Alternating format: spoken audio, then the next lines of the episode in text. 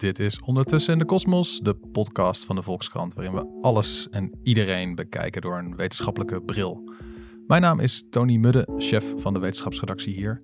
En ja, misschien ken je dat gevoel wel dat je dan zo s'nachts naar de sterrenhemel kijkt op een onbewolkte nacht. En dan die ruimte tussen die sterren, die, die lijkt misschien ontzettend leeg, maar er zit daar dus eigenlijk van alles. En de aardbol waar je op dat moment op staat, is iets mee aan de hand. Die beweegt zich namelijk langzaam maar zeker naar nieuw en mogelijk zelfs gevaarlijk terrein.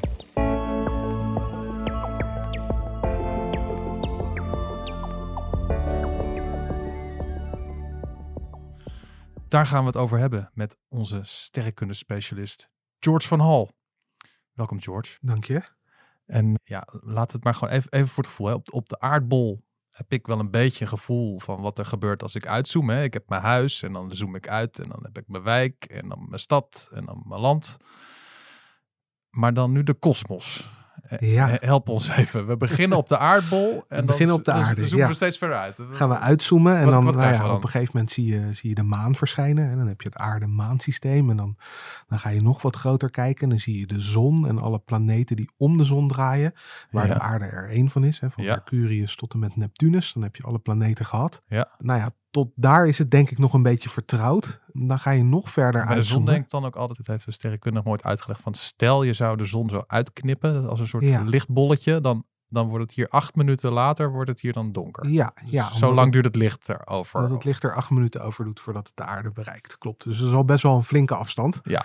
Nou ja, ga je nog verder uitzoomen, dan blijkt de zon waar wij omheen draaien, blijkt een van ja, heel erg veel sterren in de Melkweg. En de Melkweg is het sterrenstelsel waarin we leven. Dat is zo'n ja, zo'n spiraalstelsel.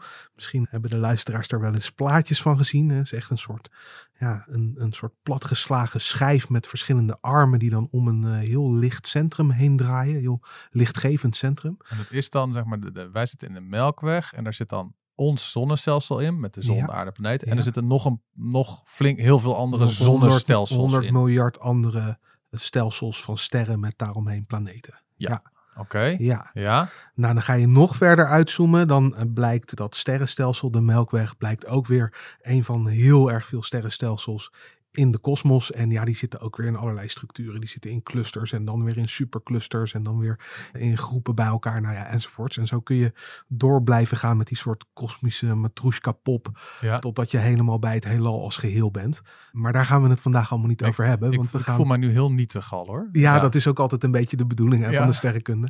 Maar vandaag gaan we het hebben over dat ene sterrenstelsel waar wij in zitten, de Melkweg. Mhm. En de ruimte die daarin zit, in de Melkweg en dan tussen de sterren van Ja. de Melkweg. Waar wij dus met ons zonnestelseltje naar een andere plek aan het bewegen zijn. En- Ja. En nog even voor het gevoel hè, van alles wat wij de ruimte in hebben geschoten als mensheid.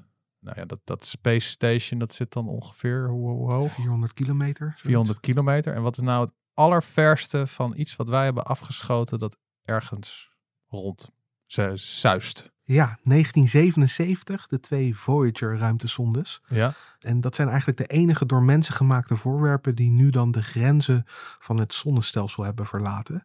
ja. En dan denk je, ja, grens aan het zonnestelsel, hoezo? Weet je wel? Is daar een douanebeambte die zegt... eh, Zeker niet. verlaat nu Zeker niet. Er staat ook geen bordje eh, tot ziens en eh, tot de volgende keer. Ja. Maar er is wel iets dat ze de heliopauze noemen. Mhm. En dat is het gebied waarin je de invloed van de zon steeds minder gaat merken en de invloed van de ruimte verder weg steeds meer. De zon die, die straalt een soort continue stroom van geladen deeltjes naar buiten. Ja. En die duwt tegen het materiaal eromheen. Eigenlijk blaast hij een soort holte leeg waar wij met al die planeten in zitten. Mhm. En ja, dat belletje, die holte, dat noemen we dan de heliosfeer. En de heliopauze is dan dus de grens daaraan. En van buiten drukt dan kosmische straling, dat zijn ook weer geladen deeltjes, dat drukt tegen die heliopauze aan. Dus die Voyager-zondes die konden merken op een gegeven moment, hé, hey, de invloed van de zon wordt minder. We, we merken steeds minder zonnestraling. Zonnewind heet dat. En we merken steeds meer, we meten steeds meer kosmische straling. En op een gegeven moment waren ze er doorheen, door dat gebiedje. En dan zaten ze in wat ze dan de interstellaire ruimte noemen. Dus die leegte tussen, Tussen de de, sterren. sterren. Ja, En, en ja, voor de, de Voyager, die is toen ooit gelanceerd met het idee van, nou ja, die gaan we echt super ver weg schieten. En misschien dat op een gegeven moment aliens hem ver weg wel vinden. Dus ze Ja. hadden dan aan boord een paar gouden platen. Ja, En als er dan de aliens zo slim waren dat ze dan een soort pick-up speler konden bedenken om dat uit te lezen, dat ze dan allemaal geluiden van ons hoorden. Het is, ja, het is te grappig om even niet te laten horen. Weet je wat, George? Eh, Dit wordt een luisterspelletje. Ik ga jou iets laten luisteren wat dan nu aan boord van die Voyager is. En, en dan mag jij zeggen of je weet wat het is. Ah, ik ben benieuwd. Ik ken het zeker niet allemaal uit mijn hoofd wat er, eh, wat er te horen is. Hier komt de eerste.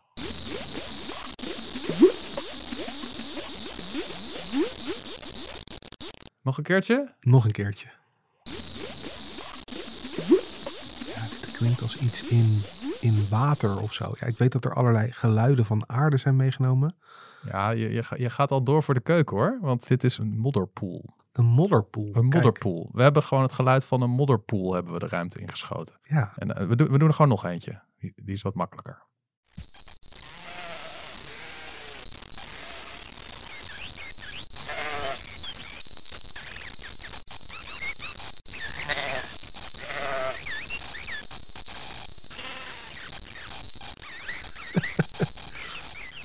Zijn nekkerende schapen of lammetjes of zo.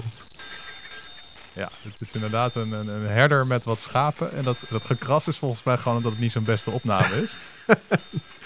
Nee, ik dacht eerst, dit is storing van een radiosignaal. Maar ja, het- ja. daarna hoorde ik eh, wat dieren op de Schapen. achtergrond. Oké, dan- en nog een laatste, nog een laatste. Komt-ie, komt-ie? Hartelijke groeten aan iedereen.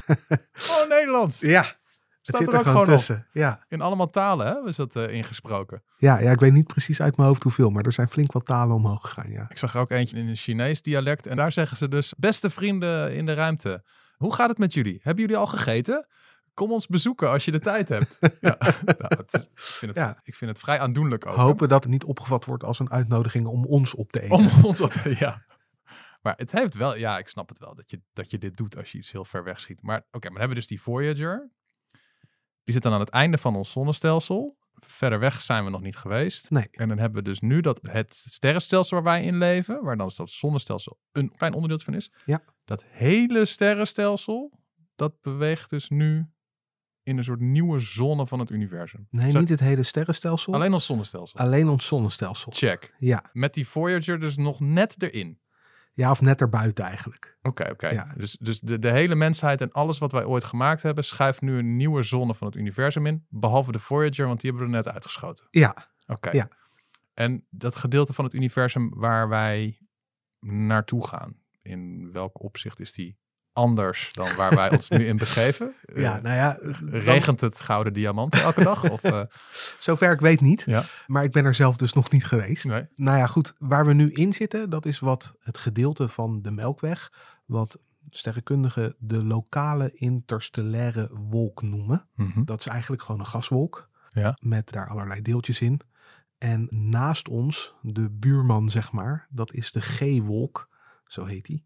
Ja, dat is ook een naam die ze er gewoon aan gegeven hebben. En daar koersen we nu langzaam op af. Over enkele duizenden jaren gaan we dan die G-wolk binnen. Ja. Dat maken wij dus allemaal niet meer mee. En duizenden jaren, dan denken wij van, oh, dat klinkt echt heel ver weg. Maar op, op, in kosmische tijd is dat, is dat echt, een soort... een, eh, oogwenk? Ja, we zijn er bijna. scheet op de tijd. We zijn er bijna, Ja, ja, ja. ja. En de vraag is wat er dan vervolgens gebeurt. Het goede nieuws is, die G-wolk is ongeveer hetzelfde, waarschijnlijk, zover we weten, van samenstelling en van dichtheid als de wolk waar we nu in zitten. Mhm. Dus op het moment dat we erin zitten, zouden we niet zo heel veel verschil moeten merken.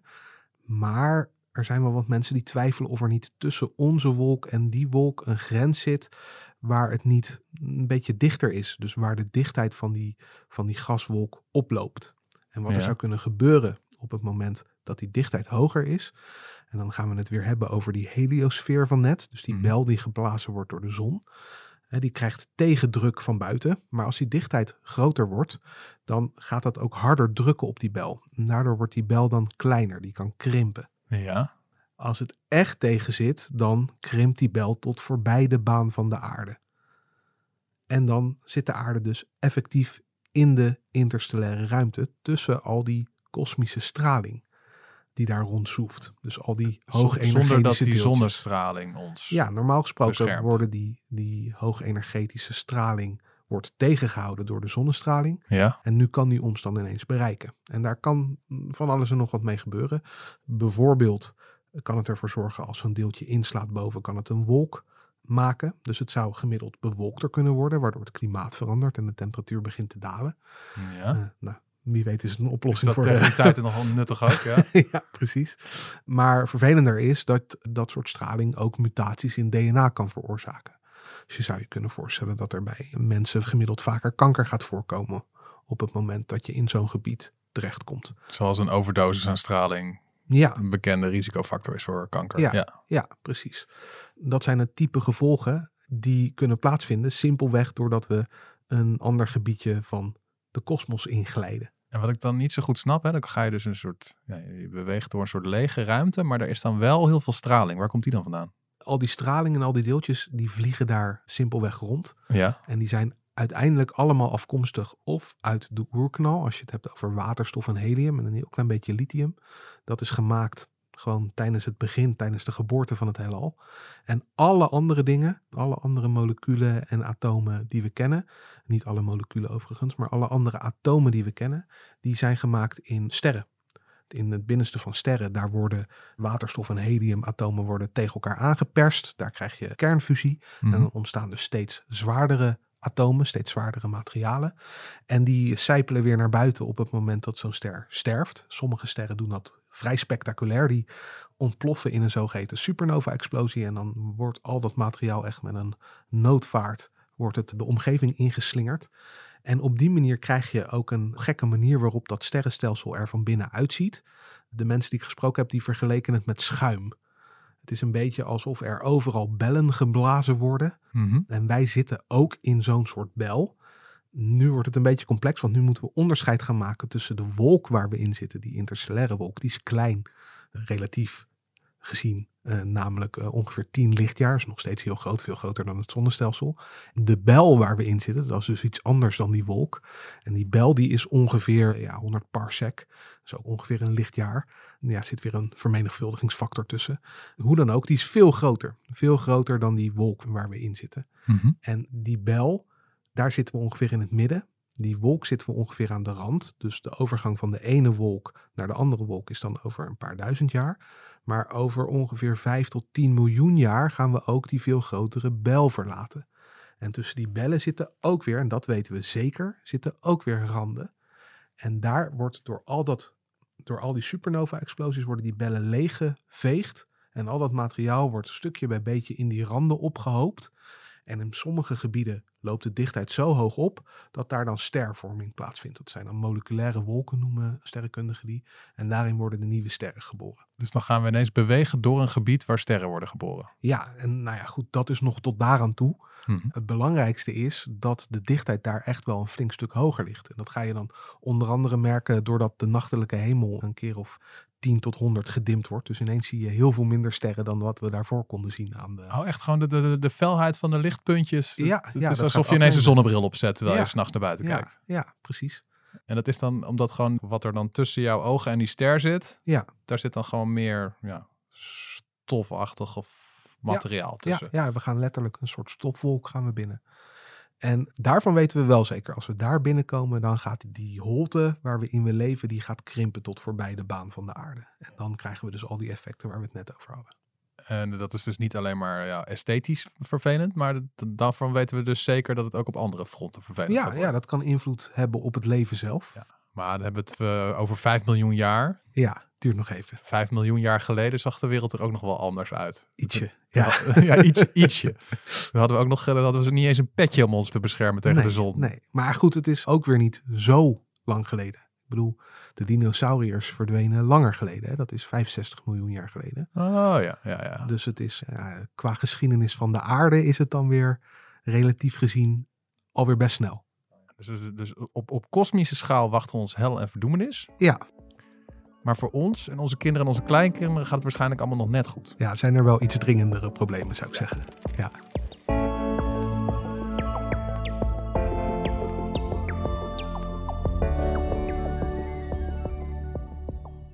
Dit was Ondertussen in de Kosmos, de podcast van de Volkskrant, waarin we alles en iedereen door een wetenschappelijke bril bekijken. Grote dank aan mijn gast van vandaag, George van Hal.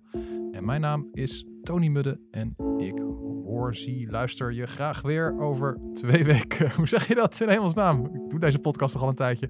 Nou, dat dus over twee weken met een geheel nieuw onderwerp.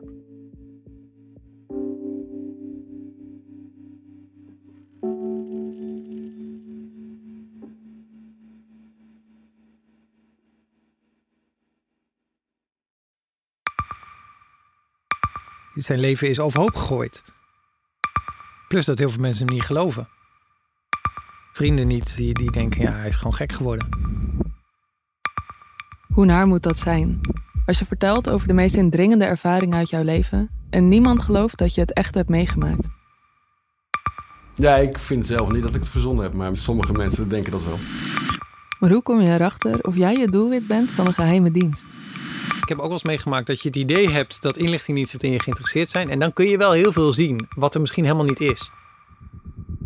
Als ik s'avonds nog iets ging eten, dan volgden die mensen mij naar het restaurant.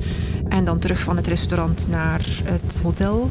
Als zij op een gegeven moment zei, kijk maar uit, want anders word je dadelijk nog wat voert ook. Shit, ik moet hier weg. Dat is, dat is niet goed. Nu word ik gevolgd. Een soort Truman Show is het gewoon. Hè? Alsof dat hele straatbeeld voor jou is ingericht.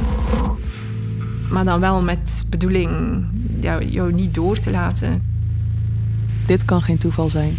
Een nieuwe podcast van de Volkskrant. Mijn naam is Simone Eleveld en samen met Huid Modderkolk ontrafel ik een bizarre operatie van de geheime dienst.